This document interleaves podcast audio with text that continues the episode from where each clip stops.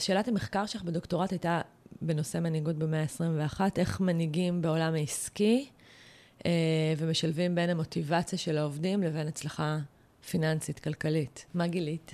אה, גיליתי אה, הרבה דברים, וגם כתבתי על זה בספר בהרחבה, אבל באמת מה שגיליתי, השלושה מאפיינים שמאפיינים את המנהיגות היום, אפיינתי את זה בשלושה מאפיינים. קודם כל זה היכולת של המנהיג להיות mindful ונוכח. המאפיין השני זה באמת היכולת של המנהיג להחזיק מתחים שונים. והמאפיין השלישי זה היכולת של המנהיג לבוא ממקום שירותי, לשרת את הקהילה שלו, את העובדים שלו, אה, את הלקוחות שלו.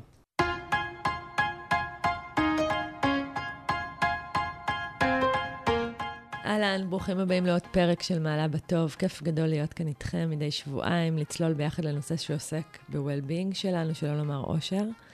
ב-16 בנובמבר אנחנו מתחילים מחזור שני של קורס מתחברים מיוחד לקהילת מעלה בטוב.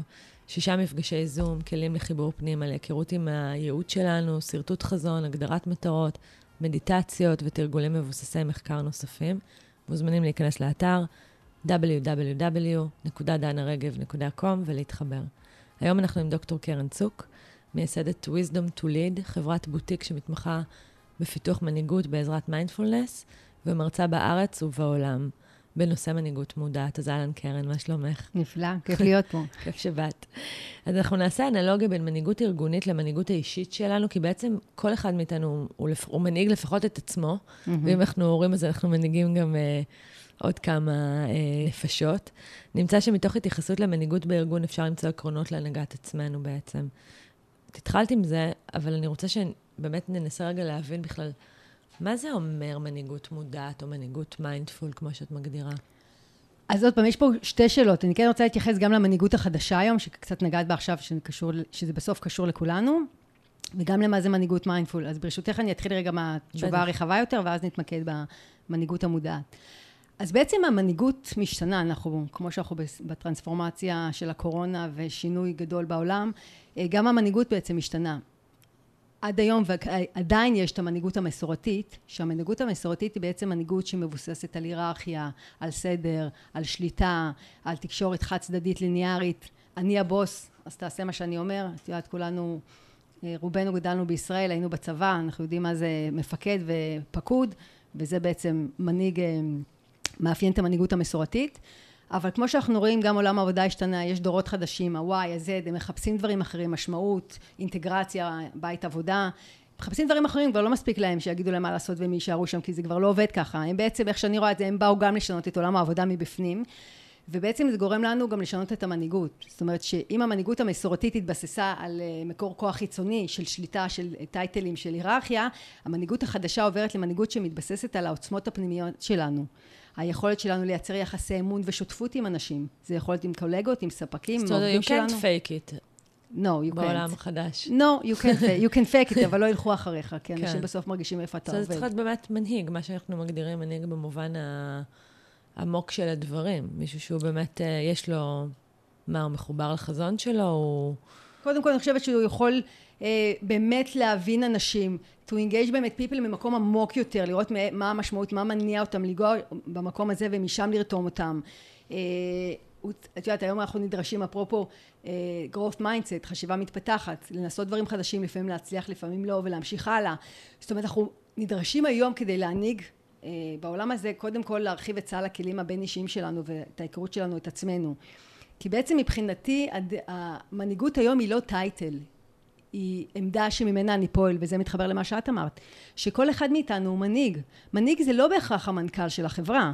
מנהיג זה יכול להיות מישהו שרוצה לקדם רעיון, לקב... לקדם מוצר, לקדם תהליך, להנהיג צוות, name it. זה... ובעצם הטענה שלי שהיום בעצם המנהיגות זה תהליך חברתי. זה לא מנהיג אחד מנהיג את הספינה, אלא כל פעם מישהו אחר לוקח בעלות ו- ופרואקטיביות על מה שהוא רוצה לקדם, וזה משהו שהוא דינמי ומשתנה. זה לא כבר המנהיג האחד שמוביל את כולם וכולם הולכים אחריו. לא, יש היום חוכמת ההמונים, לכל אחד יש את העדת ואלו שלו להביא. ולכן, כמו שאת אומרת, מנהיגות היא באמת... אה, הבסיס מבחינתי של המנהיגות זה היכולת שלנו לנהל את עצמנו. את העולם הפנימי שלנו. את המחשבות שלנו, את הרגשות שלנו, את הזמן שלנו, ומתוך המקום הזה אה, להעניק ולהיות דוגמה לאחרים, ולרתום אחרים. אז בעצם מילת המפתח פה היא מודעות, אם אני מבינה נכון באמת. אה, בהחלט. אני מנסה להבין אם זו תכונה נרכשת בעינייך, מולדת. קודם כל, יש הרבה מחקרים והרבה דעות, כמו שיש הרבה מושגים, אה, הגדרות למנהיגות ולא מצאו הגדרה, הגדרה אחת, אז כן. גם יש תפיסות שונות של מנהיגות.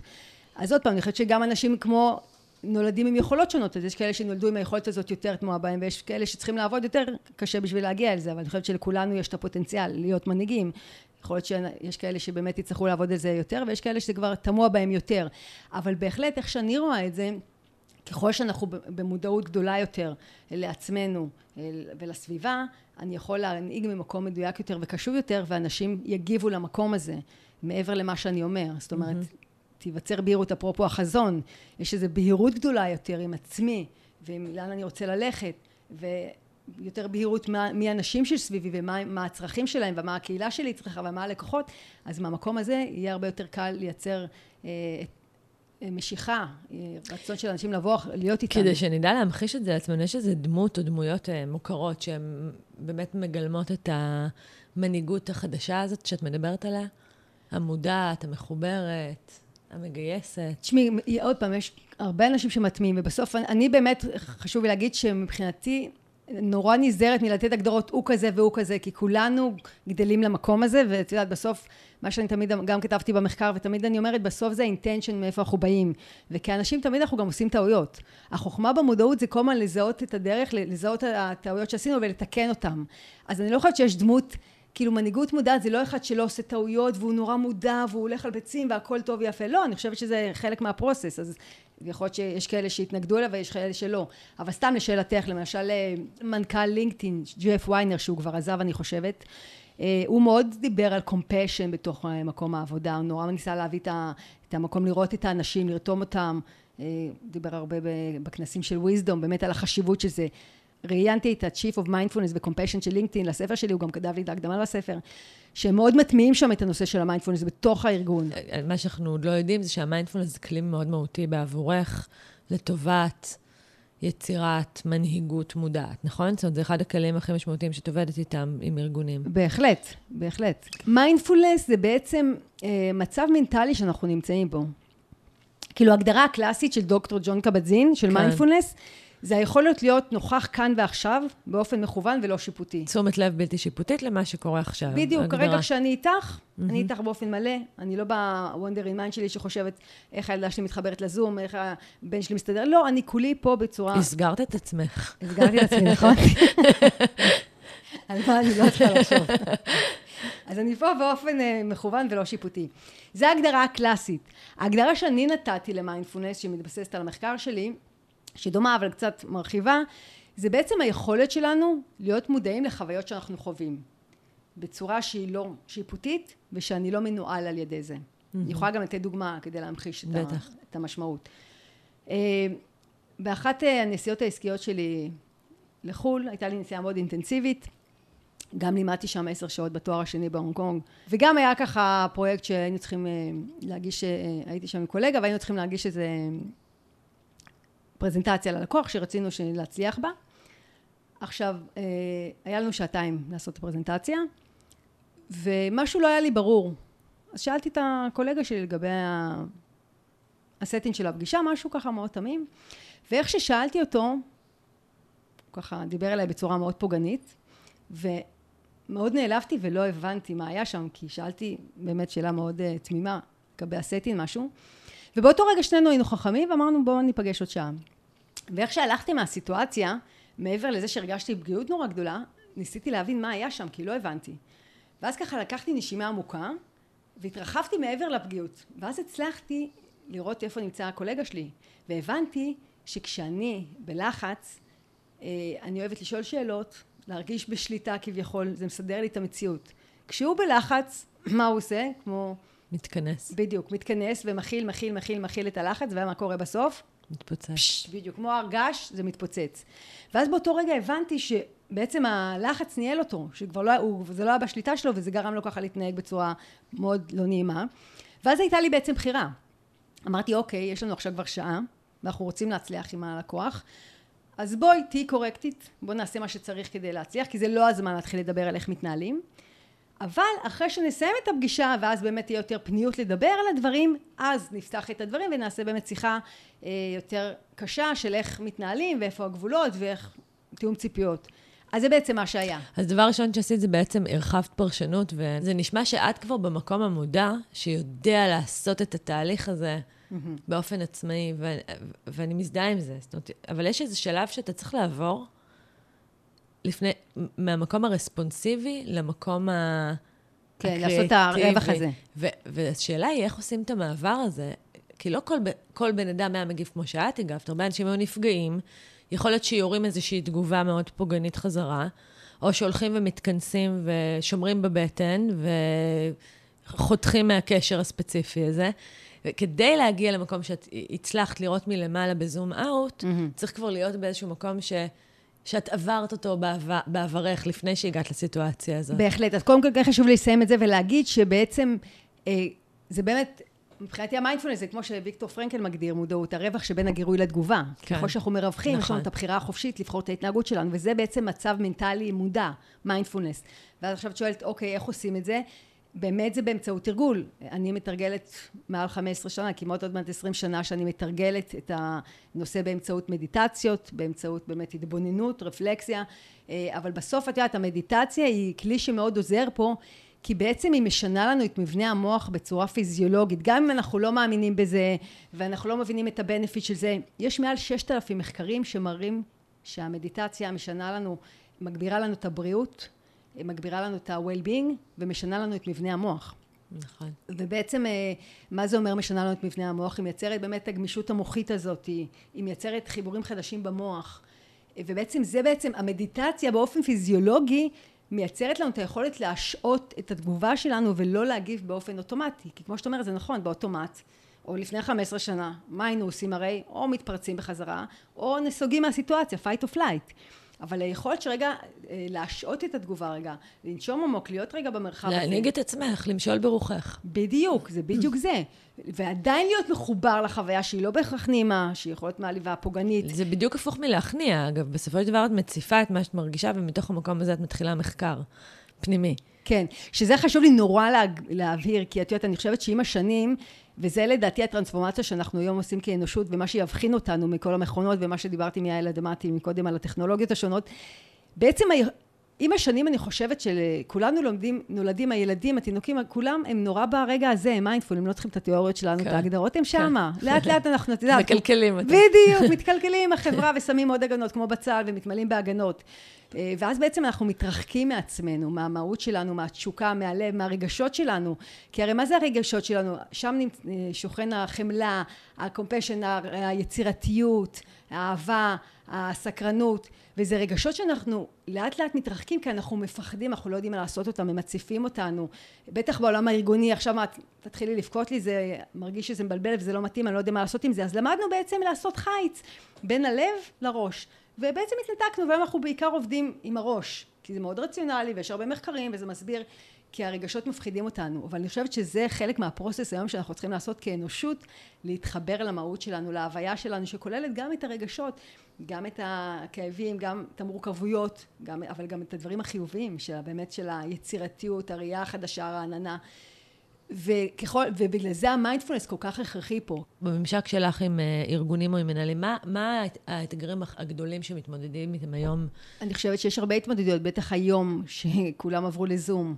ובכלל הקשר האנושי הזה נורא חסר. איך לעקוף את זה ובאמת לייצר איזשהו משהו אנושי, תחושה של קהילתיות, את החיבור של אנשים למשהו שהוא גדול מהם. כי יש פה איזושהי שחיקה מאוד הולכת וגדלה וכן מחפשים את הביחדנס הזה. אני חושבת שיש פה נושא מאוד uh, קרדינלי של תקשורת. אם עד היום היה נורא חשוב להיות uh, שקוף ולהסביר, להיות בהירים עם האנשים וכל הזמן over deliver ולתקשר לאן הולכים ומה עושים ולמה עושים, היום זה עוד יותר נחוץ כי אנשים באמת כל אחד אה, מבודד בעצמו, אין את הביחד הזה שהולכים במסדרון ומדברים ומקשקשים ומתעדכנים, אז עוד יותר אנשים צמאים לדעת, רגע, למה עושים מה שאנחנו עושים? באמת... אה, אז איך מתמודדים באמת עם האתגרים האלה? אני חושבת לתקשר הרבה. אם אתה, מה שקורה כמנהלים, אני חושבת שהרבה מאיתנו למדנו שאם אין לנו תשובה טובה, אז אל תדברו, או אה, אל תגידו כלום. ואני חושבת שהאתגר הגדול היום של המנהיגות זה דווקא להצליח להנהיג במצב של אי ודאות, של אי ידיעה. כי את יודעת, כשאני עובדת עם אה, מנהלים, עם, אה, עם co-founders, הרבה פעמים אני באה ואומרת להם, אנחנו יודעים לאן אנחנו רוצים להגיע. אני לא יודעת איך נגיע לשם.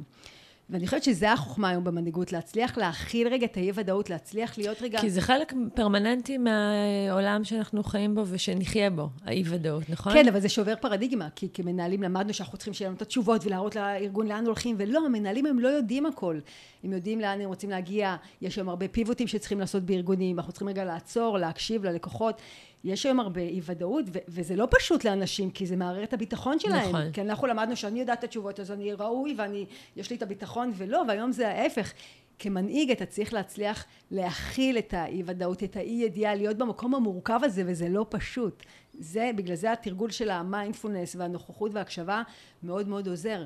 כי זה עוזר רגע למנהלים להיות במקום הזה, שזה בסדר לא לדעת. זה בסדר שאנחנו רגע מדברים ואני איתכם, אנחנו יודעים לאן אנחנו רוצים להגיע. או אולי להתרכז במה אני כן יודע, ואני יודע משהו על עכשיו, על הכאן ועכשיו, אני כן, תמיד יכולה לדעת. כן, מה אני מרגיש, מה החוויה שלי, כן. מה המחשבות שלי לגבי, אבל זה לא סגור עדיין. זאת אומרת, כן לייצר איזה, וזה נגיד כלי שאני מצאתי, כי כלי מרכזי גם במחקר שלי וגם אה, בארגונים שאני מלווה, שאני רואה, שקראתי לו מרחבי דיאלוג.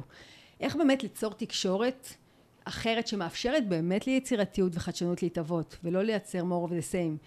זה באמת לייצר איזשהו מרחב של דיאלוג, של דיבור, שכל אחד באמת מביא את הפרספקטיבה שלו, את התחושות שלו, את הרגשות שלו, משהו יותר שלם ומלא, מבלי שאנחנו ישר חייבים לסגור את זה ולהגיע לפתרון. לא, בואו רגע נדבר על האתגר שיש לנו מול הלקוח הזה. מה, אתם, מה החוויה שלכם איתו? מה אתם חושבים?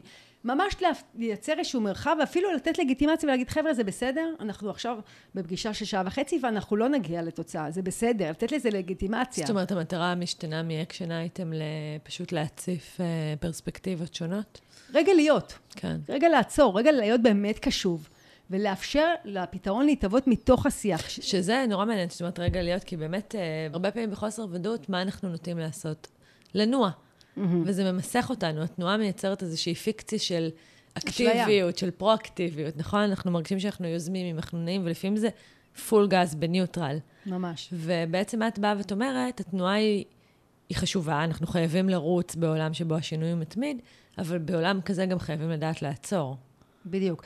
את יודעת, באחת ההרצאות שעשיתי, שאלו אותי, תגידי, מה את חושבת שהתפקיד, הלמידה של המנהיגים היום מהתקופה הזאת? ואמרתי לה, אני חושבת שהלמידה שלנו זה לעצור. זה באמת לעצור ולהקשיב, כי באמת כמנהיגים למדנו ומנהלים למדנו שכדי להיות מנהל אני צריך שיהיה לי להיות בדוינג ובהבינג ויש לי את המשאבים ולעשות את הדברים הנכונים ולא למדנו רגע לעצור ולהיות קשובים באמת לדברים העדינים. את יודעת, אני מתרשמת שאני מסתכלת על ארגונים ויכול להיות שזה נשמע שיפוטי אבל זאת ההתרשמות שלי שיש מלא בזבוז אנרגטי. מלא ישיבות, מלא דיבורים, מלא, מלא שעות עבודה. Mm-hmm. כן. המון לחץ, אבל אני לא בטוחה שזה... גז בניוטרל, נותנים גז בניוטרל. ממש. להראות שאני עסוק, יש מאמר שדיבר על זה ש... כן, זה סוג של קומבט. The busy is the new stupid. כן. כאילו, כי אנחנו כאילו למדנו שאנחנו צריכים לשחק אותה עסוקים. מה, זה לגיטימי רגע גם להגיד אני בהפסקה, זה לגיטימי רגע לקחת זמן לשעות פנאי, וגם עוד פעם, אני חושבת שלשם אנחנו הולכים, כי ככל שהטכנולוגיה תגדל, יהיה לי יותר אנשים, הרבה יותר שעות פנאי, מאשר לנו פעם. זאת אומרת, אני פשוט הולכת לשם קצת להוריד הילוך. מדברים היום על מגמה של ארבעה ימי עבודה בשבוע. יש מגמה שאומרת, אוקיי, חבר'ה, לא צריך לרוץ אחרי הזנב של עצמנו. מה המחירים של, של ריצה אחרי הזנב של עצמנו? קודם כל יש שחיקה. אני חושבת שגם בתכלס אנחנו לא באמת מצליחים להביא את ה-added value המדויק שלנו, את המתנה שלנו לעולם. כי אם אני כל כך רץ ולא קשוב באמת למה אני יכול לתת ומה אני נדרש לתת, אני אתן משהו שהוא, שהוא לא באמת מדויק לצורך. וזה גם מתיש, את יודעת, אני שומעת הרבה אנשים שאומרים, וואי, נגמרתי מהפגישה, נגמרתי מההרצאה, ואני אומרת, לא, כשאנחנו פועלים מהמקום המדויק שלנו ומהקשבה אמיתית, אתה רק מתמלא, אתה לא באמת נגמר. אני, כשאני, בהרצאות היום אני נהנית מזה, זו חוויה, אני יוצאת מזה מלאה, אני לא מתרוקנת, כי אני באמת למדתי להקשיב, לעצור, לא בהכרח להקש... להספיק את החומר כדי להעביר את הידע, לא יותר חשובה החוויה, אה, ויותר חשוב מה אנשים באמת כרגע צריכים. אני לפני כל הרצאה שאני באה, אני מתכוונת ומבקשת להיות נוכחת וקשובה למה שהקהל שלי צריך. אה, ואז להיות קשובה לשאלות שלהם ולמה שעולה. ולא, אם גם לא הספקתי שקף, לא קרה כלום. ואת יודעת, אני בסוף ה vision שלי הוא באמת לעזור למנהיגים להיות בחוויה של flow. ש flow זה, חוו... זה הגדרה מהפסיכולוגיה החיובית. שבעברית זה נקרא זרימה. שפסיכולוג הונגרי בשם, אני מקווה שאני אצליח להגות, כן, קשה מאוד להגות את השם שלו. שיקה מאהי, חקר את זה במשך 25 שנה. שזה בעצם מצב שאנחנו במצב מנטלי, שבעצם הבינג והדוינג שלנו מתמזגים לאחד. שאנחנו מאוד יעילים בעשייה שלנו, מאוד פרודוקטיביים. כל הרעשים מסביב, אנחנו מאבדים את תחושת הזמן והרעשים, ואנחנו ממש אמרס, אנחנו ממש בתוך החוויה עצמה, ומה שיפה שאנחנו גם מאוד נהנים מהחוויה עצמה. שמבחינתי זה ממש הפתרון לדור ה-Y וה-Z היום, זה מה שמחפשים, להרגיש משמעות. אגב, שהוא גם מגדיר את זה כמשהו שחייב להיות מאתגר בעבורנו, כן. אבל בתוך גבולות היכולת שלנו. כדי בדיוק... שלא נשתעמם מצד אחד, ומצד שני שזה לא יהיה למעלה מיכולותינו. בדיוק, זה לשמור על המתח הזה בין ההזדמנות לבין היכולת של, ה... mm-hmm. של הבן אדם. וכשאני שמה, אני, אני בתוך החוויה, אני כל כך נהנית, אני גם כל כך, אני הכי, הכי יעיל ופרודקטיבי, שזה מדהים. ובחוויה הזאת אתה משקיע מינימום מאמץ ומקבל מקסימום תוצאות. איך אנחנו יודעים אם בן אדם עובד מתוך מוטיבציה פנימית או מוטיבציה חיצונית? חוץ מ... שאלה, חוץ מלשאול את השאלות האלה ולבקש תשובות uh, סובייקטיביות מהאנשים שעובדים תחתנו. אנחנו מקשיבים להם, אנחנו מרגישים אותם, אנחנו רואים איפה הם נמצאים, אנחנו שואלים אותם, אתם נהנים מהעשייה, מה הכי עושה לכם את זה, מה, מה, מה אתם מתלהבים לעשות, מה בא לכם לקום בבוקר, מה עושה לכם כיף, למט, לזהות באמת איפה ה passion שלהם, הכל מורכב, זה מורכב, אין עבודה שזה רק happy-happy. גם כשאתה עושה את התשוקה שלך, אתה צריך לעשות את הדברים שצריך. יותר השחורים בדיוק, אבל בסדר, כי התשוקה שלך כל כך גדולה, שהדברים השחורים, כאילו הדברים הרוטיניים, אתה אומר, בסדר, זה חלק מה process, אתה עושה את זה באהבה, mm-hmm. אבל זה לא צובע לך את רוב התמונה, כי רוב התמונה אתה ב vision וב passion שלך. כן, אני שמה את עצמי רגע בכובע עכשיו, אני בכוונה עכשיו כאילו משחקת את השטן, אוקיי? אמ, אני שמה את עצמי בכובע של... נגיד מנכ"ל של אה, חברה, של סטארט-אפ, שכל מה שמעניין אותו עכשיו זה לרוץ, למכור, להביא משקיעים. ואם אני אגיד לו, בוא נעצור רגע ונשאל את העובדים, ונגלה גם, אגב, לפי מכון גלופ, ממש מעכשיו, רק 36% מהעובדים בארצות הברית מחוברים לעבודה שלהם. ממש. זאת אומרת, סביר להניח שמה שנגלה זה תמונה לא מיטבית, שבה הרבה מהעובדים שלי אולי לא כל כך מחוברים לחוויית המשמעות והתשוקה שלהם. מה אני עושה עם זה? קודם כל, זה באמת נכון. בארצות הברית יש מחקרים שמראים שבאמת... רוב האנשים לא מחוברים לעשייה שלהם, יציעו להם מחר בבוקר משהו אחר והם יעברו. עבודה זה מין צריך כזה. כן, זה כאילו... בעבור רוב האנשים. זהו, זה עדיין נתפס כהישרדות כלכלית, ואני חושבת שזה כן. חלק מהטרנספורמציה שנעבור היום. עוד פעם, המקום הכלכלי בכבודו מונח, אבל בתפיסה שלי, ואולי היא אוטופית, ככל שנביא... היא מתיישבת עם הרבה מאוד מהפרקים שהיו כאן. יופי, אני, עם עתיד עולם העבודה, עם נירית כהן ועם יאלי אדמתי. כן. אז אני חברה טובה. אז ככל שאנחנו נדייק את האנשים לפשן שלהם, למקום, הכי, למקום המדויק שלהם, ולהביא את האדד ואלו שלהם, הם גם יצליחו כלכלית, זה לא סותר. הנקודה להפך, פה... להפך, אפילו יותר. ההפך יעצים אנחנו, את, כן, המקום הכלכלי, כן, בדיוק, כן. אבל אנחנו צריכים להעיז to let go ולזהות, אם זה לא מתאים, לא להשאיר עובד בכוח כי גייסתי אותו, ואני לא רוצה עכשיו לעמוד מול עצמי ולהגיד, וואלה, הייתה פה טעות בגיוס, אבל אין התאמה בין הצרכים שלו לצרכים של העובד, ולדעת להיפרד בכבוד, אה, ולא לקחת את זה למקומות אה, אה, של אגו, ו... ולהיאחז בזה, כי אז אנחנו מייצרים סטגנציה וסבל לכולם, במקום רק לגעת בכאב ולשחרר את מה שלא עובד. זה מעולה מה שאת אומרת, כאילו, אנחנו לא יכולים לזייף את המציאות, כמו בזוגיות, ככה גם בין אה, מקום עבודה לעובד, mm. צריכה להיות התאמה, צריכה, הערך שלי, התשוקה שלי כעובד, צריכה להיות מותאמת לחזון של חברה, לערכים שחברה מציעה וכולי. עכשיו, השאלה היא, אם מה שאנחנו בעצם אומרים עכשיו, אומרות, זה ש... אנחנו לא מייצרים מוטיבציה פנימית אצל העובדים, אלא אנחנו מוודאים שהיא מתקיימת. כולנו נולדנו מוטיבציה פנימית. ילד, תסתכלי עליו, הוא סקרן, הוא מתלהב, הוא כולו ב passion, זה שמה. כל אחד מאיתנו יש לו את ה passion לדברים אחרים, אז יש כאלה שהאינטליגנציה שלהם יותר לקטע של מתמטיקה, ויש כאלה שיותר בטבע ויותר אמונות, זה לא משנה, הרי יש את גרדנר שמדבר על שמונה אינטליגנציות, כל אחד מאיתנו חזק באינטליגנציה אחרת. זה לא היררכי, אין אינטליגנציה יותר שווה מאחרת. כל אחד יש לו את הסקרנות שלו ואת. אני עוד פעם קוראת לזה המתנה שהוא מביא לעולם. אנחנו לא יכולים לייצר למישהו מוטיבציה, אנחנו יכולים לאפשר לו את הספייס לממש את המוטיבציה שלו, ובאמת לייצר לו את התנאים הנכונים שיגדל, זה כמו צמח, אם תשקיע אותו, הוא יפרח, ואם לא תשקיע אותו, הוא ינבל. זה התפקיד של המנהלים. אז בעצם האתגר, של, האתגר שלי כמנהיג זה לזהות אנשים רלוונטיים שיכולים להתאים שהכישורים שלהם, או המתנה שהם הביאו לעולם, היא מתאימה לצרכים שלי כארגון. בהחלט, וזה גם משתנה, את יודעת, אנחנו חיים בעולם דינמי עם סטארט-אפ, בהתחלה יחפש אנשים עם רעל בעיניים שרוצים למכור, אם זה השלב שהוא נמצא. ואחלה, זה האנשים שיגיעו. יכול להיות שהסטארט-אפ עכשיו יעבור שלב, שהוא כבר יצטרך להתבסס, והוא צריך, אה, ה-DNA קצת ישתנה, אז יכול להיות שגם אנשים ישתנו וזה בסדר. אין את המשכורת 13 כמו פעם שהיה, שמישהו מגיע, נשאר 20 שנה בארגון, זה כבר לא ככה. הרי אורך זמן התקצר, אנשים מחפשים אה, אתגרים שונים. אז כן, צריך לדעת להיות דינמיים ולדעת שברגע שיש אי התאמה, או לייצר את התפקיד הבא בתוך הארגון כי זה מתאים, או לדעת אולי go ולעזור לו למצוא את המקום הבא. זה לא נגד הארגון, ההפך, זה תפיסת השפע שמדברת על זה שלכולנו יש מקום. יש ארגונים כאלה, אבל שאת מכירה, שבאמת מצליחים... אה...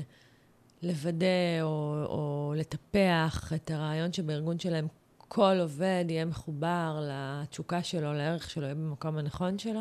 בהחלט אני מכירה. את הארגון שעשיתי בו את המחקר, הם מאוד חיפשו, הם עשו אה, תוכנית כוכבים, באמת לזהות מי אנשים שמממשים את עצמם, מי לא, איך לאתגר את אלה שלא מממשים את עצמם. זה חלק מה-DNA של ארגונים, אחרת העובדים יעזבו מעצמם, כי הם לא יהיו מרוצים. התפקיד של העובדים להיות קשובים לפשן שלהם ולהיות פרואקטיביים, להציע חלקים נוספים שלהם בתוך הארגון. Mm-hmm. להציע, אפילו שזה כאילו לא בהגדרת התפקיד הקלאסית שלהם.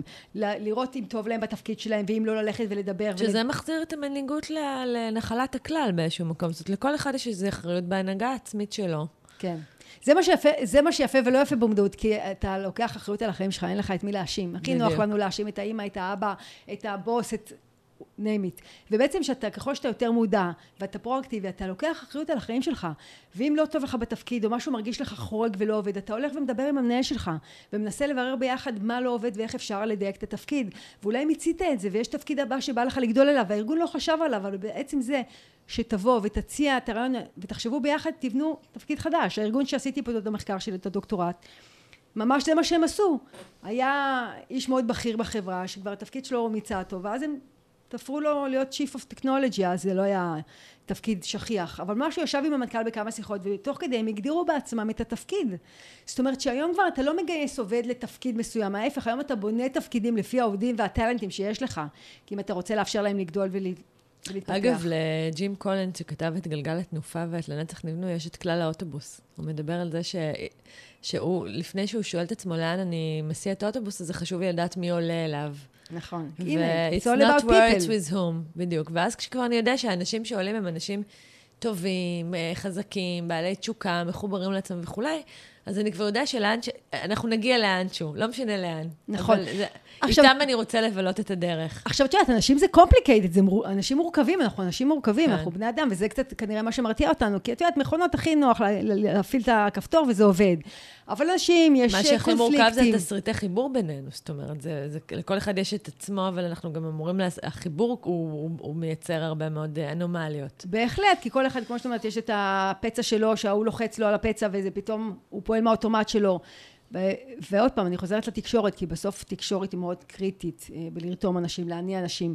והאתגר, אני חושבת שהיום של מנהיגים ומנהיגות זה איך לייצר תקשורת שהיא באמת אותנטית, אה, ולהעיז להראות פגיעות, אפרופו רגשות. להעיז להגיד, וואלה, חבר'ה, אני מרגיש לא נוח בסיטואציה, אני נפגעתי מה, מהשיח, אני, אולי לא התכוונתם, אבל, אבל אני, זה כן פגע בי. בואו נחשוב איך אנחנו עושים את זה, בסך הכל הייתה לי כוונה טובה. זאת אומרת, זה כן... מתפרקים מהפסדות.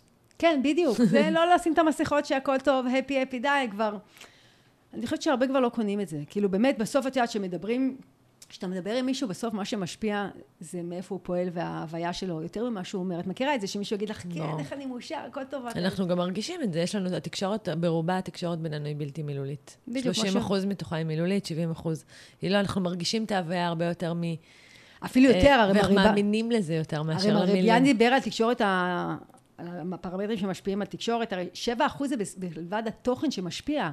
45 נכון. זה השפת גוף, 37 או 38 זה האינטונציה. אז כאילו, כן. כמה התוכן בסוף הוא לא קריטי. את יודעת, היה כזה ספר אה, על שפת גוף שחיפשתי את שמו, אני לא זוכרת, שהנשיא רוזוולט דיבר על זה שהוא היה עושה את הגלות האלה שנפגשים ולוחצים ידיים ומראים כוסית. והוא רצה להשתעשע קצת, אמר יאללה בוא נראה איך זה משפיע על אנשים בתקשורת, ואנשים היו שואלים אותו, יא לוחץ את היד, מה שלומך? הוא אמר בסדר, בחיוך, הרגע רצחתי את אשתי, ואנשים היו מחייכים וממשיכים הלאה. כאילו הם בכלל לא הקשיבו למה שהוא אמר, שזה מדהים, לא? לגמרי. כאילו, אז בסוף, את יודעת, אנחנו מחפשים את המקום האמיתי הזה, את האותנטיות. אה, וגם להגיד, כן, משהו פה לא עובד, אני לא מרגיש טוב עם זה, בואו רגע, בואו נבדוק מה קורה פה. אני רוצה שקצת ננסה להבין איך, את הקשר בין, כי, אה, אה, כי אני אגיד בכנות, וכאן יש לי כל הזמן תהייה, אני, אני עכשיו אשתף בתהייה שלי, בבלבול שלי. אה, כי את ואני כנראה עברנו תהליך של טרנספורמציה פנימית, אנחנו כבר מבינות על מה אנחנו מדברות. המילים האלה שמתארות את הטעם של תפוח, לקחנו ביס, אנחנו יודעות איך זה מרגיש באמת כש, כש, כשלא עושים. Uh-huh. אנחנו מנהיגות את עצמנו, אני, אני לא אומרת את זה ברברבנות, אבל אני מתרשמת שכל אחת מאיתנו יודעת לעשות עם עצמה כשהיא מופעלת מאוד, לשאול את השאלה מה השיעור שלי, או איך זה קשור אליי, להרחיב פרשנות, לייצר את ההשעיה הזאת בין הגירוי לתגובה וכולי. אבל אני, שני דברים עולים לי ואני ככה רוצה לשקף אותם ולחשוב ביחד איך אנחנו יכולות להנגיש. אחד, זה שבאמת בעבור חלק זה רק מילים, mm-hmm. והם עוד לא כך מבינים איך, מג... איך, איך עוברים את הגשר הזה. אוקיי. Okay. מהחיים שבהם אתה, אתה מרגיש שאתה יותר מולח, יותר מובל, מאשר מוביל. איך עובר, עוזרים לאנשים לעבור את הגשר? אני חושבת שקודם כל, את יודעת, מתי אנחנו עושים שינוי? או מכאב גדול, בדיוק. או מרצון להתפתח. כן. אני חושבת שהרבה אנשים מחכים לכאב שיזיז אותם מאזור הנוחות, כי לא בא להם לעשות את השינוי, ואז החיים מביאים אותם לאיזה קטסטרופה, לאיזה משבר שאין להם ברירה, ואז הם חייבים לעשות את השינוי. אה, ויש כאלה שבאמת בוחרים לעשות את השינוי. אז אם אנשים באמת רוצים רגע לבחור, ואני חושבת שעוד פעם, הטרנספור... הקורונה היום הביאה את כולנו למקום הזה של הטרנספורמציה, אם אנחנו רוצים או לא רוצים. אנחנו... יש כאלה שאיבדו את מקום העבודה שלהם, יש כאלה שצריכים להמציא את עצמם מחדש, עסקים שצריכים להמציא, כולנו צריכים להמציא את עצמנו מחדש בעצם. אז זה באמת רגע עצירה, ולשאול את עצמי באמת, מה ה passion שלי, מה אני באמת רוצה לעשות, מה יעשה אותי מאושר מחר בבוקר. עכשיו, יכול להיות שאני לא יכולה לעשות את זה, כי מה לעשות, יש גם את המקום הכלכלי שאני צריך לחשוב עליו, ואני לא יכולה לעזוב הכל, ויופי, מחר בבוקר לעשות מה שאני רוצה. לא, זה process, כמו שאתה אומר, זה גשר, זה תהליך. אז קודם כל להעיז, דבר ראשון, להסתכל במראה ולשאול את עצמי את השאלות הנוקבות האלה, שגם אם יהיה קשה לי לשמוע את התשובות, אני יכול רגע לכתוב אותן ולתת להם אה, לנשום. לפחות אני לא חונק אותם, אוקיי? ואז לאט לאט אני יכולה לשאול את עצמי איך אני יכול להתחיל להכניס את זה יותר לחיים שלי. נכון, אז כרגע אני עובד ואני לא יכולה לעזוב את העבודה שלי בבום, אבל איך אני יכול להקדיש 20% מהזמן רגע לבנות את התחביב הזה שאני רוצה. אפילו יכול להיות שאתה יכול לפתח את זה כרגע כתחביב צדדי, ובהמשך זה יהפוך למיין אישו שלך, ויכול להיות שלא, אבל תמצא את התמיל שיספק אותך. איך אני 20 אחוז עכשיו מקדיש לבנות את המקום הזה, הולך לקורסים, מתפתח. מה כן אני יכול לעשות? בדיוק. ועוד פעם, בתוך האילוצים, וכן, ועל מה אני מסכים לוותר. ויכול להיות שזה יהיה זמן לוותר על זמן פנוי שלי, שאני כן אדרוש מעצמי בתקופה הקרובה. נראה פחות סדרה בנטפליקס. בדיוק, פחות יהיה בבינג' של הסדרות, ומילא כבר נגמרו הסדרות. אה, כן, אז זה באמת לייצר איזשהו תהליך נכון. זאת אומרת, זה לא, את יודעת, כשעושים שינוי, אנחנו עפים מהקצה האחד לקצה השני. אז אני אומרת, זה לא, אל תעזוב את העבודה ותשאר בלי כלום, ויאללה, אפי, אפי, ג'וי, ג'וי, בוא אני אעשה מה שאני אוהב, כי אני צריך גם לחיות. אז איך אני לאט לאט מייצר את זה בתוך ה process של היום-יום? לך תדבר עם אנשים שעושים את ה passion שלך, תשאל אותם איך הם הגיעו לזה, מה הם עשו. תהיה ב being, תקבע לך פעם בשבוע כוס קפה עם מישהו שאתה לא מכיר מהתחום. תתחיל להרחיב את ההבנה ואת הראייה שלך בנושא. פתאום תגיע לאנשים מסוימים, תהיה סינכרוניות שיביאו אותך לאנשים רלוונטיים. Mm-hmm. תפתח אבל את המרחב הזה, זה מה שאני מציעה. תייצר space. יופי של טיפים. תודה. אבל את אמרת משהו נורא חשוב בתחילת הדברים, שהרבה פעמים אנחנו מגיעים לשם ממקום של מחירים. אז המנהיגים שמגיעים אלייך, או הארגונים שמגיעים אלייך, הם, הם מגיעים אחרי שהם שילמו מחיר, הם כבר, הם כבר בשלים לטרנספורמציה. הם הרבה פעמים מגיעים ממקום של בלבול, ממקום שמשהו לא עובד להם, שהם רוצים, כן, שהם... אה, בדרך כלל זה מהמקום של ה... את יודעת, ברגע שאנחנו רצים והכל עובד, למה, למה לך לעצור? מתי אתה עוצר שמשהו לא עובד לך?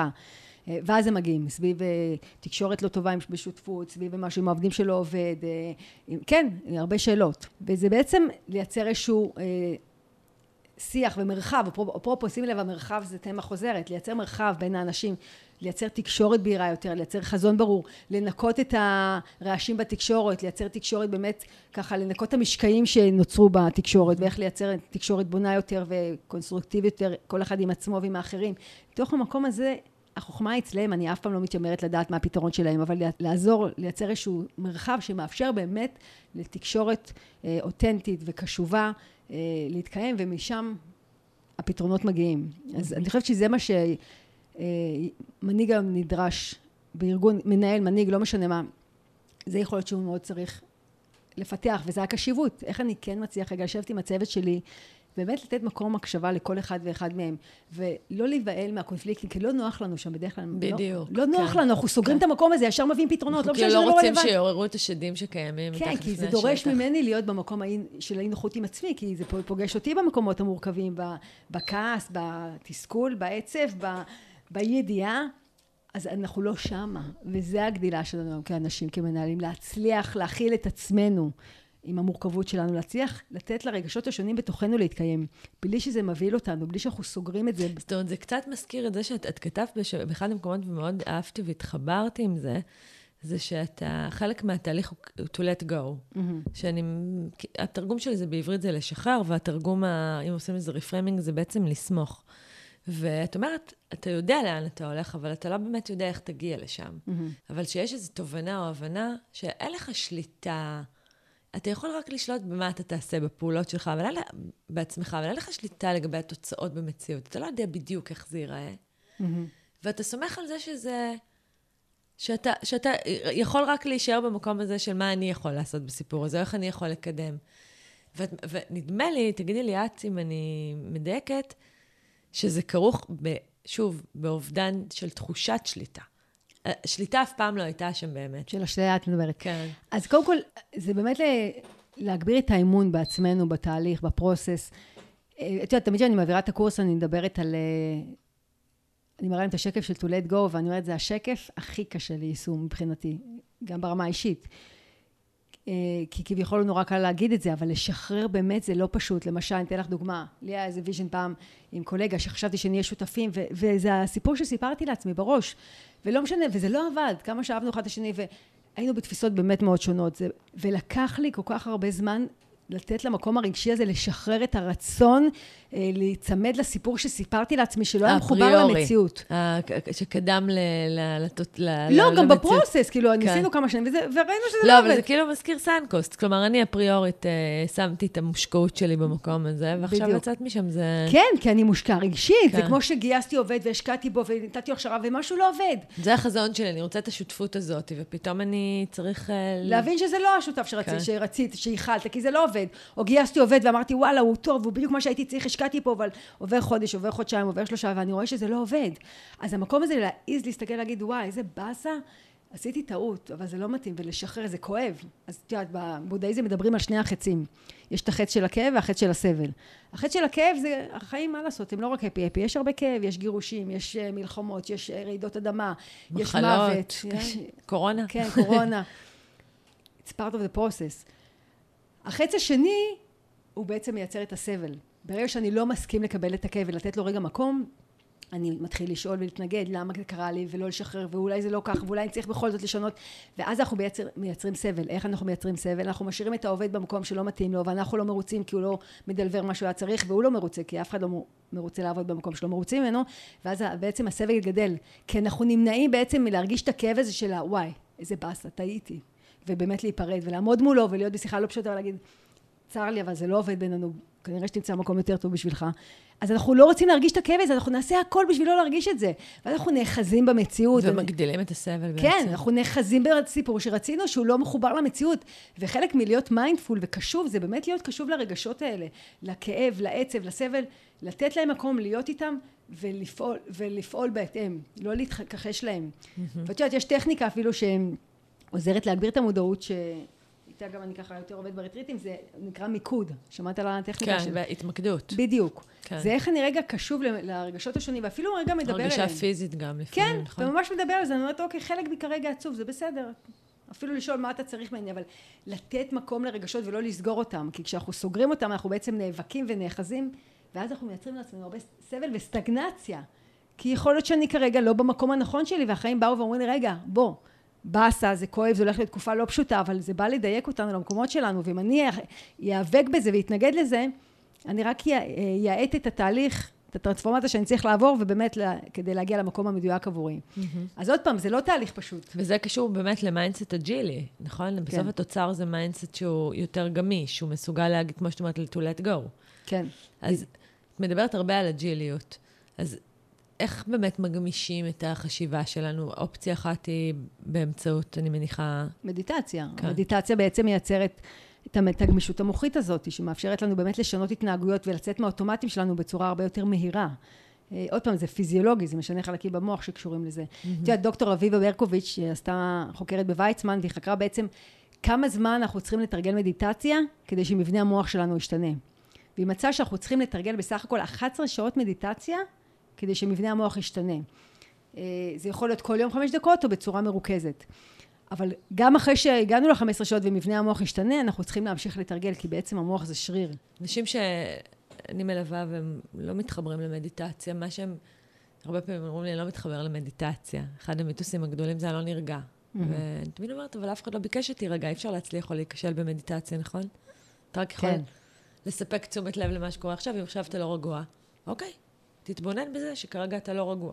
אז אחד הדברים שאנחנו מכירים זה חמשת האורחים שמגיעים, נכון? המחשבות המוכרות כן. מהבודהיזם.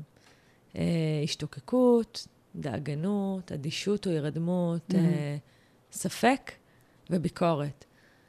אז הרבה פעמים שאנשים אומרים לי, אני לא מתחבר, ואז הם אומרים, אני, אני בכלל סקפטי אם זה יכול לעזור. אז אוקיי, זה דפוס בחיים שלך. בדיוק, אז זה להתבונן בסקפטיות. עוד פעם, אנחנו לא, המטרה של המדיטציה זה באמת רגע להתבונן ולהיות ברגע הזה, וזה לא שאנחנו נעצור את המחשבות.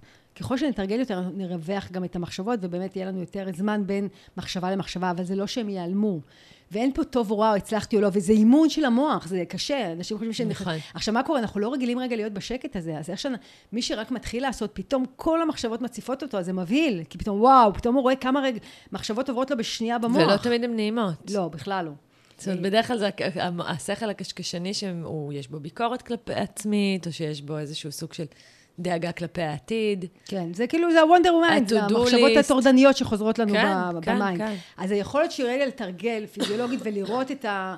את המחשבות ולשחרר, זה התרגיל הראשון של האימון של המוח, באמת, ואפרופו שמייצר את הגמישות המוחית. עצם זה שאני רגע נושם ורואה את המחשבה מגיעה, רואה אותה, משחרר אותה ומחזיר את התשומת לב לכאן ועכשיו, וזה מה שבעצם מייצר את הגמישות המוחית. וזה בעצם רגע של המודעות, הנוכחות, כי אני רואה את המחשבה והיא לא מנהלת אותי, אני בעצם רואה אותה כאורחת. וכשאני רואה את המחשבה או את הדפוס שלי, אני בעצם מבין שאני מייצר את הסיפור של חיי.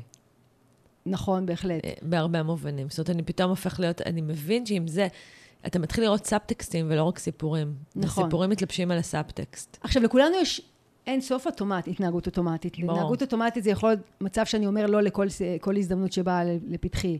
זה יכול להיות שאני all over the place, זה יכול להיות שאני כל דבר רואה בצורה נגטיבית. לכל אחד מאיתנו יש המון המון. עכשיו, אני תמיד אומרת, מה שעובד לכם, אל תיגעו. התנהגות אוטומטית זה גם הדבר טוב, זה חוסך לנו מקום במוח, נכון? למה אני, אם אני צריכה לעשות דוח, אני רואה חשבון ואני צריך לעשות דוח כל כן, חודש... כן, לא היינו רוצים לנהוג בלי יכולת אוטומטית. לא, יש משהו ש... תלמידים. בדיוק, כן. מה שעובד לנו אנחנו לא רוצים. מתי אנחנו רוצים לשנות? משהו שכבר לא עובד לנו. שאני רוצה תוצאות חדשות. במצב של שינוי, כמו שאנחנו היום, ושאנחנו נדרשים להשיג תוצאות חדשות, אז אנחנו נדרשים לשנות התנהגות אוטומטיות. עכשיו, זה יכול להיות דברים קטנים, את יודעת, תמיד אני אומרת, יכול להיות שיש, אתה בעבודה ויש קולגה שמשגע אותך, כולנו כנראה יש את זה בעבודה, עם חברים בבית, איך שאני רואה אותו, הגוף שלי מתכווץ, אני נהיה עצבני ואני לא מסוגל באמת להקשיב לו, כי אוטומט משהו שם, אני לא יודע מה, אפילו לא מודע, מקפיץ אותי. אבל אם אני רגע אעצור, אפילו בלי מדיטציה, אעצור ואגיד, רגע, מה קורה פה? יוסי, תמיד כשהוא מגיע אליי, אני ישר מתכווץ ולא מסוגל להקשיב לו. מה בו מקפיץ אותי? ואז אני אחשוב, אולי איך שהוא אומר לי את הדברים גורם לי נוחות. אולי הטיימינג שהוא תופס אותי תמיד במצב לא נוח עם אחרים. ואני אבין את זה, אני אוכל לעבוד עם זה. אני יכול להגיד לו, יוסי, אתה יודע מה? אני נורא אשמח לשמוע מה שיש לך, אבל בוא נקבע פגישה מסודרת. ואז כשאני, הוא בא לפגישה, פתאום אני לא מכווץ, אני לא פועל מאוטומט שלי, כי הוא לא לוחץ לי על הפצע שהוא לחץ לי עד היום, ואני יכול רגע להתרווח ובאמת להקשיב לו. אני, אני מתחברת לזה מהמקום הזה שבתפיסה שלי רגשות הם ממש קצה חוט לחקירה, ובטח אם הם מגיעים, כמו שאת אומרת, אנחנו לא נחקור כשאנחנו מאוהבים או שמחים, mm-hmm. אבל בטח כשאנחנו נתקלים ברגשות חמים שמאוד מפעילים אותנו, רגשות לא נעימים, כמו קיבוץ, או כעס, או זעם, או עצב, או פחד, אז זאת ממש הזדמנות ל- ל- להתחיל למשוך מהקצה חוט הזה, אה, לעשות מין reverse engineering, כן, כן, עד לאינטרפטציה ולמחשבה ולאמונה שנמצאת בבסיס, כדי להתחיל להבין משהו, ובתפיסה שלי זה ממש הזדמנות לצמיחה. כן, זה, זה בדיוק המקומות של הגדילה שלנו, משהו לא עובד לנו ומייצר אצלנו תסכול, כעס. אז זה בדיוק המקום רגע לעצור ולעשות רפלקציה, לבחון את זה, לבדוק את זה, לשאול את עצמנו, למה? מה, מה כל כך כואב לי? אבל אני רוצה רגע לחזור לדוגמה, להראות איך זה יכול לייצר שינוי אפילו קטן, כי למשל הפעם הצלחתי להקשיב לו, והוא בא ואני יושב, ויש לי איזה לקוח שאני מנסה לפצח בראש משהו איתו ואני לא מצליח. ורגע מהשיחה איתו, פתאום הוא מוביל לי איזה זווית שלא חשבתי עליה, ותוך שנייה פתרתי את הפיצוח שהייתי צריך להשקיע בו הרבה זמן. אז זה מה שאני מנסה להראות, שהרבה פעמים דווקא אפילו השינוי אה, לצאת מאוטומטים זה תהליך, זה פרוסס, זה לא, זה לוקח זמן, זה לא בשנייה החלטתי... זה לא יום ולא יומיים ולא 11 שעות. בדיוק, כן. זה לא החלטתי, זה קורה, אבל גם אם אני מתחיל לאט לאט לעשות קצת דברים אחרת, משהו יכול כבר להשתנות בצורה דרסטית. זה תהליך, זה לא קורה ברגע. אז אנחנו צריכים למצוא את העוגנים הקטנים האלה, איך כל פעם להגיב קצת אחרת ממה שהגבנו אתמול. תגידי, את יודעת, אחד הדברים שגם תהיתי לגביהם, זה שבעצם אנחנו מדברים כל הזמן על זה שהעולם הוא, אה, ואנחנו יודעים את זה, הוא באמת, אה, הקבוע היחיד בו הוא השינוי. Mm-hmm. הוא הולך, והוא רק הולך, היום זה היום כנראה הכי איטי בחיינו, מעכשיו והלאה. זה רק הולך להיות uh, מהיר יותר ויותר. מה שדורש גם כנראה כלי האטה, כמו מיינדפולנס וכמו מדיטציה. אנחנו גם כיצורים, מעבר לעובדה שאנחנו רוצים להתפתח ולצמח, אנחנו גם זקוקים ליציבות וביטחון. איך מאזנים בארגון בין הצורך כל הזמן to ship fast ולהיות אג'ילי ולהקשיב ללקוחות ו... ולהקשיב לעובדים וטה-טה-טה, לבין הצורך באיזשהו סוג של, לא יודעת, מרחב מוגן, יציב, ודאי. אז עוד פעם, אה, מרחב מוגן זה יפה, יש את זה נראה לי בעניינים, אני לא יודעת אם יש את זה בחיים, אבל באמת האתגר, כמו שדיברתי, שחלק מהמאפיינים של המנהיגות שאני מצאתי, זה היכולת לה, להחזיק מתחים כביכול, שזה בין הטווח הקצר לארוך, בין ראיית העובד לארגון, בין הצורך במהירות אה, ליציבות, זה בדיוק מה שאת שואלת. והחוכמה זה לייצר מנגנונים שבאמת מחזיקים את המתח הזה. אז למשל, אה, בגוגל, הם עשו כזה בזמנו, היום זה קצת השתנה החוק, אבל 70-20-10. שאנשים, שמגייסים עובדים, אז 70 אחוז מהזמן הם צריכים אה, לעבוד על מה שגייסו אותם, אוקיי? 20 אחוז הם יכולים לפתח שירותים ומוצרים חדשים, ו-10 אחוז הם אמורים אה, לרכוש מיומנויות חדשות לעצמם. ואז הם בעצם מייצרים מנגנון שמאפשר ממש מרחב... זאת יש איזו סכמה שהיא קבועה. לפתח, כן. כן, יש איזו יציבות, אבל מאפשר גם מרחב לייצר דברים חדשים, ולא רק כן. לעשות more of the same. עכשיו, גם ארגונים צריכים באמת לשמור על ה bread and butter שלהם, ואיך עדיין כל הזמן לפתח את המוצרים שלהם ולהיות רלוונטיים, כי אחרת הם לא יהיו רלוונטיים. קצת כמו קודאק, כאילו בסוף אתה נהיה לא רלוונטי, אז אין לנו ברירה. אבל זה לשמור על המתח הזה, על האיזון, זה קו דק, איזון דק כזה. כמו שאגב, ג'ף בזוס אומר, במקום לשאול מה עומד להשתנות, אני שואל מה לעולם לא ישתנה. והוא ניסח לארגון שלו בעצם את שני הדברים שמבחינתם הם תמיד קבועים, זה להיות מהיר וזול. אוקיי, יפה, אז הוא לקח שני ערכים שחשובים לו. והוא יצר יציבות במובן, סביב שני האלמנטים האלה יש ודאות. בדיוק. אנחנו יודעים שאת זה אנחנו משמרים פה. מעולה, אז זה להחליט איזה ערכים חשובים לי, מה חשוב לייצר מרחב, נגיד בטוויטר בזמנו אני יודעת שהם אה, עשו ממש פעם ברבעון, שבוע שאנשים באים ועושים מה שהם רוצים. כאילו לייצר את הספייס הזה, באמת space, כי בסוף זה מגיע הכל למרחב, לייצר space לאנשים עם עצמם, לייצר space אה, לחשוב אחרת, לצאת מתוך הקופסה, ואת יודעת, ככל שנהיה יותר ב... בחוויה של ה flow, במקום המדויק, שכל עובד יהיה במקום המדויק שלו, הוא יהיה הרבה יותר פרודוקטיבי והוא יצטרך פחות זמן. כן, את לא מדברת. על דיוק אנרגטי, ואז כן. אתה לא צריך כל כך הרבה... כן, ואז אתה מביא את ה added value שלך, אז גם אם אתה, אחרי שהילדים הלכו לישון, אתה יושב את העוד שעה, זה לא שוחק אותך. את יודעת, אני באמת passionate למה שאני עושה, ואני מבינה היום שזה לא טריוויאלי, תמיד... קראתי, כתבתי פעם איזה כתבה שקראתי לזה המתנה, שאתה מביא את המתנה שלך לעולם אז אתה נהנה, ושפעם הייתי בצופים ו... ועשיתי את זה בעבר והיום משלמים ממה שאני אוהבת. ואת יודעת שגם היום שאני שומעת שמישהו אומר לי, את עובדת קשה, אני, זה לא מהדהד בי, כי אני לא מרגישה שאני עובדת קשה, אני נהנית, אולי אני עובדת אינטנסיבי. לא עובדת. אבל את... כן, אני לא עובדת, אני משחקת, חוויה שלי זה שאני לא עובדת, בדיוק, משחקת, זו מילה נהדרת. בדיוק, אני פשוט, אני, נכון, זה אינטנסיבי, אבל אני, אני נהנית, אני בתוך זה, אני לא... לא מתחברת לא למילה... לא קורבן של ה... בדיוק. כן. ולכן אני חושבת שעוד פעם, נצטרך למצוא את האיזון הזה, שכל אחד ימצא את האיזון, גם אם הוא השקיף את הילדים והוא רגע יושב את השעה לסיים דברים, הוא לא מרגיש קורבן, הוא לא מרגיש שחוק, כי היה לו את השלוש שעות קודם להיות עם המשפחה והילדים, וכרגע הוא התמלא והוא יכול... אז כאילו, גם היום לא מדברים על הבלנס יותר, מדברים על אינטגרציה בית עבודה. אין בלנס באמת, זה לא נכון הרי, כי יש תקופה שהיא יותר אינטנסיבית בעבודה, ויש תקופה שיותר אינטנסיבית בבית, כאילו זה לא באמת איזון אחד על אחד. החוכמה, אני חושבת שלשם נצטרך ללכת, זה למצוא איזושהי אינטגרציה נכונה, שגם לאנשים יהיה זמן בבית, זמן פנאי, וגם באמת בעבודה. אם אנחנו שמה, אנחנו לא שמה. אני חושבת שאנחנו, יש לנו דרך... שיש עוד דרך לעשות. כן, יש עוד דרך להגיע לשם, כן. כי באמת לא נראה לי שזו שאלה כרגע שמעסיקה את המנהלים ובעלי חברות, איך לקצר את יום העבודה. לא. אבל איך לייצר אה, פרודוקטיביות, זה כן.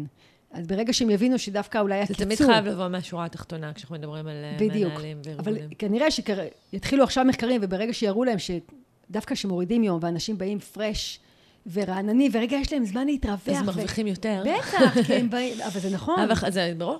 ואז הם יבואו פרודוקטיבי, וארבעה ימים האלה יהיו ארבעה ימים, אבל... חייבים לשרת, כאילו, את המהפכה הזאת חייבת לשרת את השורה התחתונה הכלכלית. ותשמעי, אני חושבת שזה גם משתנה, וגם על זה כתבתי במחקר שלי ובספר, שיש פרדיגמה חדשה, שבארצות הברית כבר אימצו אותה, בארץ אנחנו עוד לא שם, אבל וגם באירופה, של שלושת ה-P, People, Profit, Planet. זה לא יהיה רק השורה התחתונה.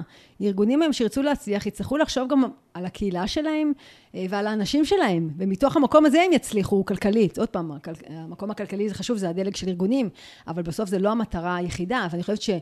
בישראל אנחנו עוד לא שם, אבל זה הכיוון שאנחנו הולכים אליו, זה דור ה-Y ודור ה-Z שבאים ואומרים, אוקיי, מה, למה אנחנו עושים מה שאנחנו עושים? מה, רק בשביל לעשות כסף? לא.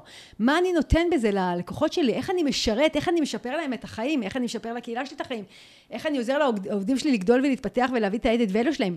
ומשם אנחנו נצליח להביא גם את ה profit. אבל זה לא יהיה ראייה חד צדדית, ואנחנו, זה חלק מהטרנספורמציה לדעתי, גם היום הסביבה. לקחת את הסביבה בחשבון, את הסביבה הכי בחשבון. לא לעשות נזק לסביבה. ארגונים הרי משנים היום. הרמוניה עם הטבע, עם הסביבה שלנו, עם ה... כן, כן אנחנו בסוף חיים בתור, אנחנו הורסים את הסביבה שאנחנו חיים בה. איך אנחנו לא, איך אנחנו משרתים את הסביבה שאנחנו חיים בה. יש פה שינוי פרדיגמה מאוד מאוד גדול. יש כאן, אנחנו ממש ברישאפל אה, עולמי לתפיסתי. יש כאן הרבה פרדיגמות כן, שיכולות כן, לעבור ש... אה, מהפך. מה החלום שלך מול העשייה שלך? מה היית רוצה אה, להגשים?